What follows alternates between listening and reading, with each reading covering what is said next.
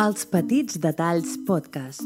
Capturem històries, moments i experiències. Tots som part d'una gran història. Tots en formem part.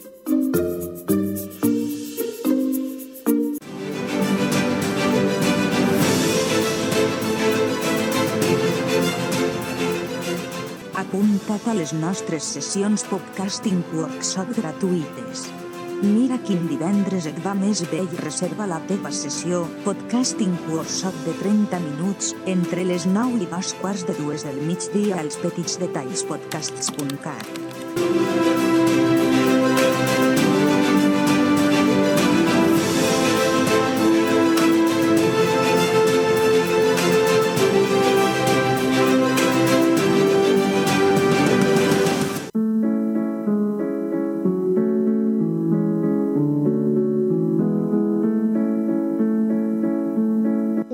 dels petits detalls amb Bernat de Siurana, una producció dels Petits Detalls Podcast. Aprendrem a construir les millors històries. L'storytelling és l'art d'explicar històries i l'art dels petits detalls és l'art de l'storytelling. Tots els dijous, excepte festius, a les 7 del vespre.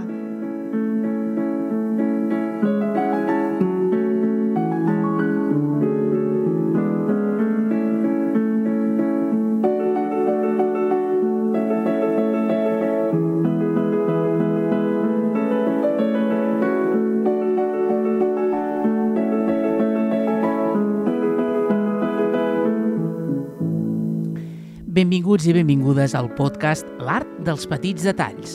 A partir d'aquesta nova tercera temporada, a l'Art dels Petits Detalls amb un servidor, aprendrem a construir les millors històries. El podcast seguirà sent una producció dels Petits Detalls Podcast. La storytelling és l'art d'explicar històries i l'art dels petits detalls és l'art de la storytelling. Seguirem aportant-vos valor sense pèls a la llengua tots els dijous, excepte festius, a les 7 del vespre.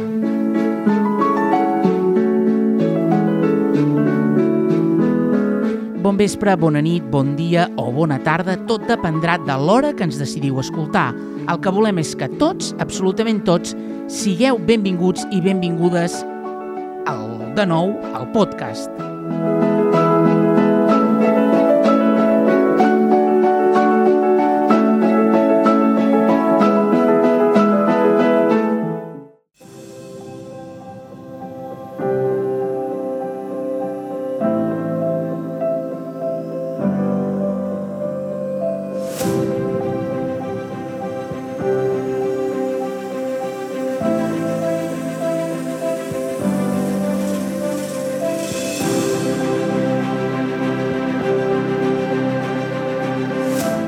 darrer capítol us dèiem que les històries són a tot arreu, a la vida, a la cultura, a la televisió, a les sèries, al cinema, a la ràdio, als podcasts, a la política i a tants i tants espais.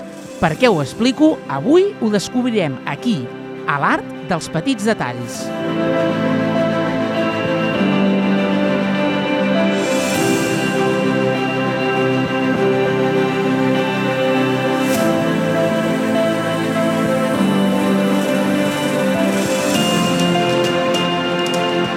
Perquè les històries són a tot arreu. Els Beatles cantaven All You Need Is Love.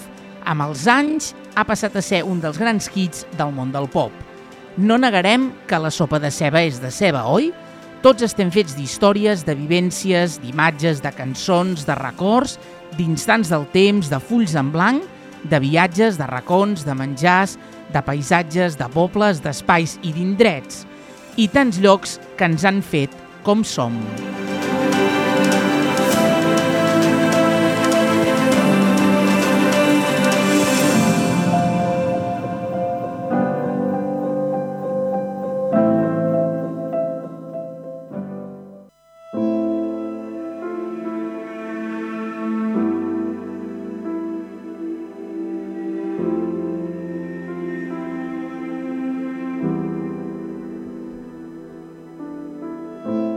Tota història, òbviament, té un plantejament, un nus i un desenllaç.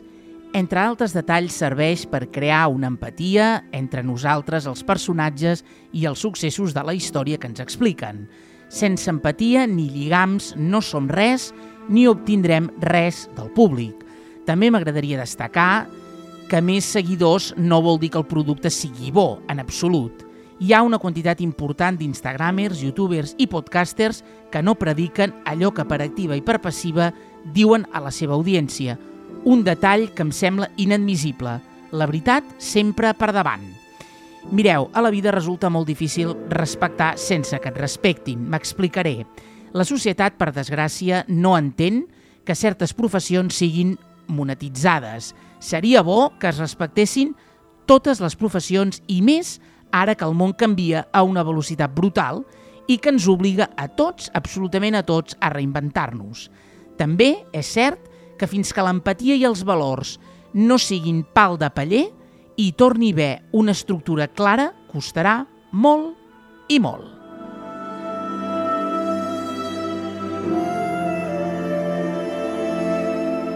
L'storytelling és l'art d'explicar històries en el món anglosaxó. S'entén com la capacitat de l'ésser humà per a difondre les seves pròpies històries d'una manera atractiva per als altres o pels oients té com a objectiu captivar l'atenció de l'interlocutor i transmetre-li un aprenentatge. Al llarg de la història, l'storytelling ha servit per educar a les noves generacions en les tradicions i els valors propis de cada societat. Per això, la transmissió resulta ser especialment important.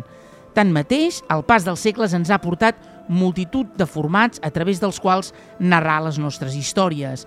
Els escriptors de ficció, novel·listes, dramaturgs i poetes juntament amb els cineastes, els guionistes i els compositors de música, ara se'ls hi sumen youtubers, instagramers i podcasters. Per això us deia el que us deia. Espero que m'interpreteu positivament.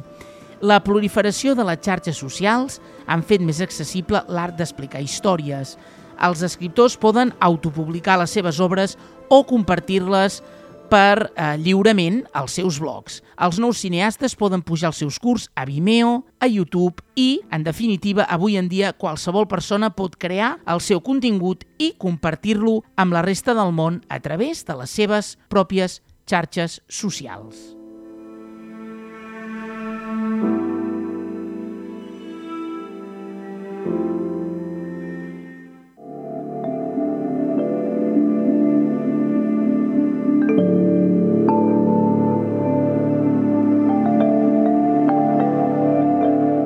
Facebook d'alguna manera ha convertit el nostre perfil en un timeline de la nostra vida.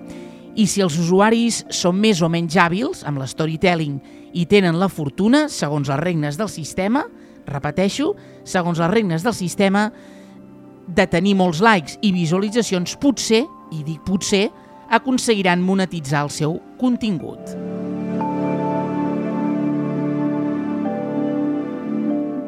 La gran pregunta que molts podcasters que es denominen experts en màrqueting no s'atreveixen a respondre és la següent. És just que el sistema monetitzi en funció dels likes en lloc de fer-ho partint de la qualitat del contingut ofert? Aquí parlem clar. I som els únics, sí, sí, els únics, que ho fem en català. I que quedi molt clar, pensar-se o tenir merament integrat que aquells professionals perquè també som professionals amb carrera, eh? que realitzem el nostre contingut en català som de tercera divisió és lamentable, patètic i inadmissible en un país que en teoria i sobre paper, perquè tot això és molt maco, diu que s'estima i protegeix la llengua. No hem d'oblidar que això és allò que fan els països madurs i amb nivells elevats de cultura. A Suïssa, per exemple, no hi ha cap mena de problema en expressar-se de manera oficial en cap de les seves quatre llengües. Sí, sí, quatre. A França, parlar francès és un requisit indispensable per trobar feina.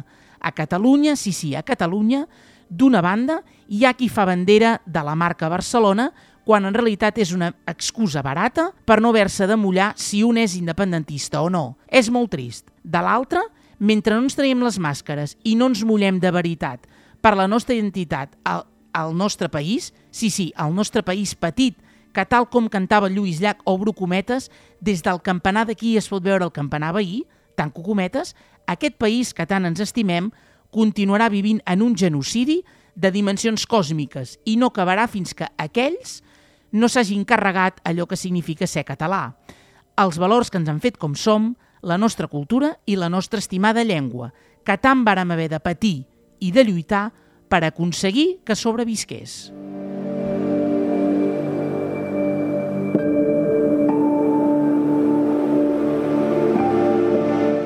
Fa uns moments us preguntava és just que el sistema monetitzi en funció dels likes en lloc de fer-ho partint de la qualitat del contingut ofert? La resposta és que l'intrusisme en certes professions ha provocat que en lloc de valorar-se la qualitat del contingut dels productes, es valori els likes que té cada cosa que es publica. Sí, ja sé la... Eh... Sí, ja sé la pregunta que em fareu. És just? Gens ni mica. D'una banda hem de tenir clar que vivim en un món en què el més tonto lliga gossos amb llonganisses i de l'altra, els denominats experts en el concepte de portar valor han fet un ús desmesurat del propi concepte. La immensa majoria en fa bandera i s'inventen productes gens sòlids a preus desorbitats amb l'únic objectiu, l'únic, de treure'n profit econòmic. És patètic i lamentable.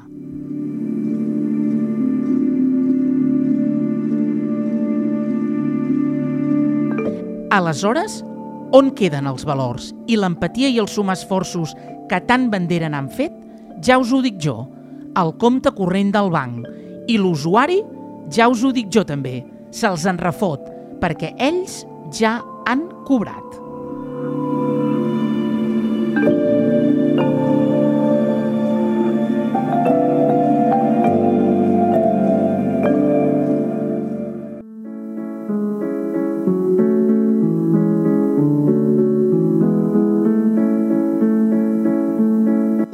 Dels petits detalls Sant Bernat de Siurana, una producció dels Petits Detalls Podcast.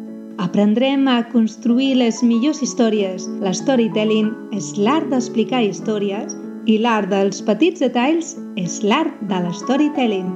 Tots els dijous, excepte festius, a les 7 del vespre.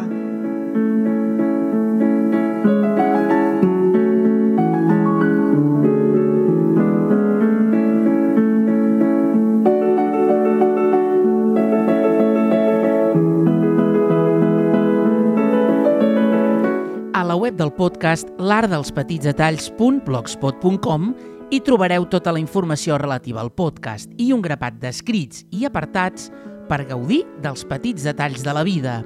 També ens hi podreu escoltar i tornar a escoltar sempre que us vingui de gust. Recordeu, l'artdelspetitsdetalls.blogspot.com I sí, sí, és un blogspot, entre altres coses perquè encara, malauradament, aquest podcast no l'hem aconseguit monetitzar, però nosaltres seguirem aquí, perquè, com deia el mestre Pep Guardiola, no podem prometre guanyar la Champions, però sí que podem prometre que treballarem per fer-ho possible.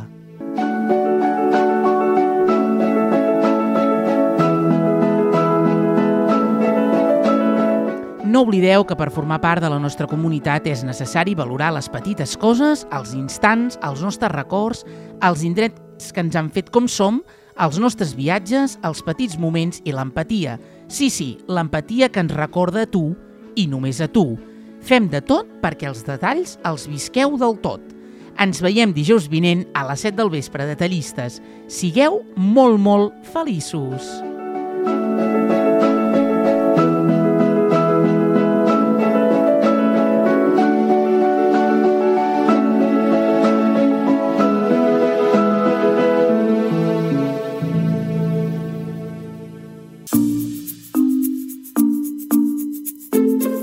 Els petits detalls podcast.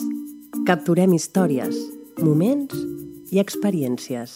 Tots som part d'una gran història. Tots en formem part.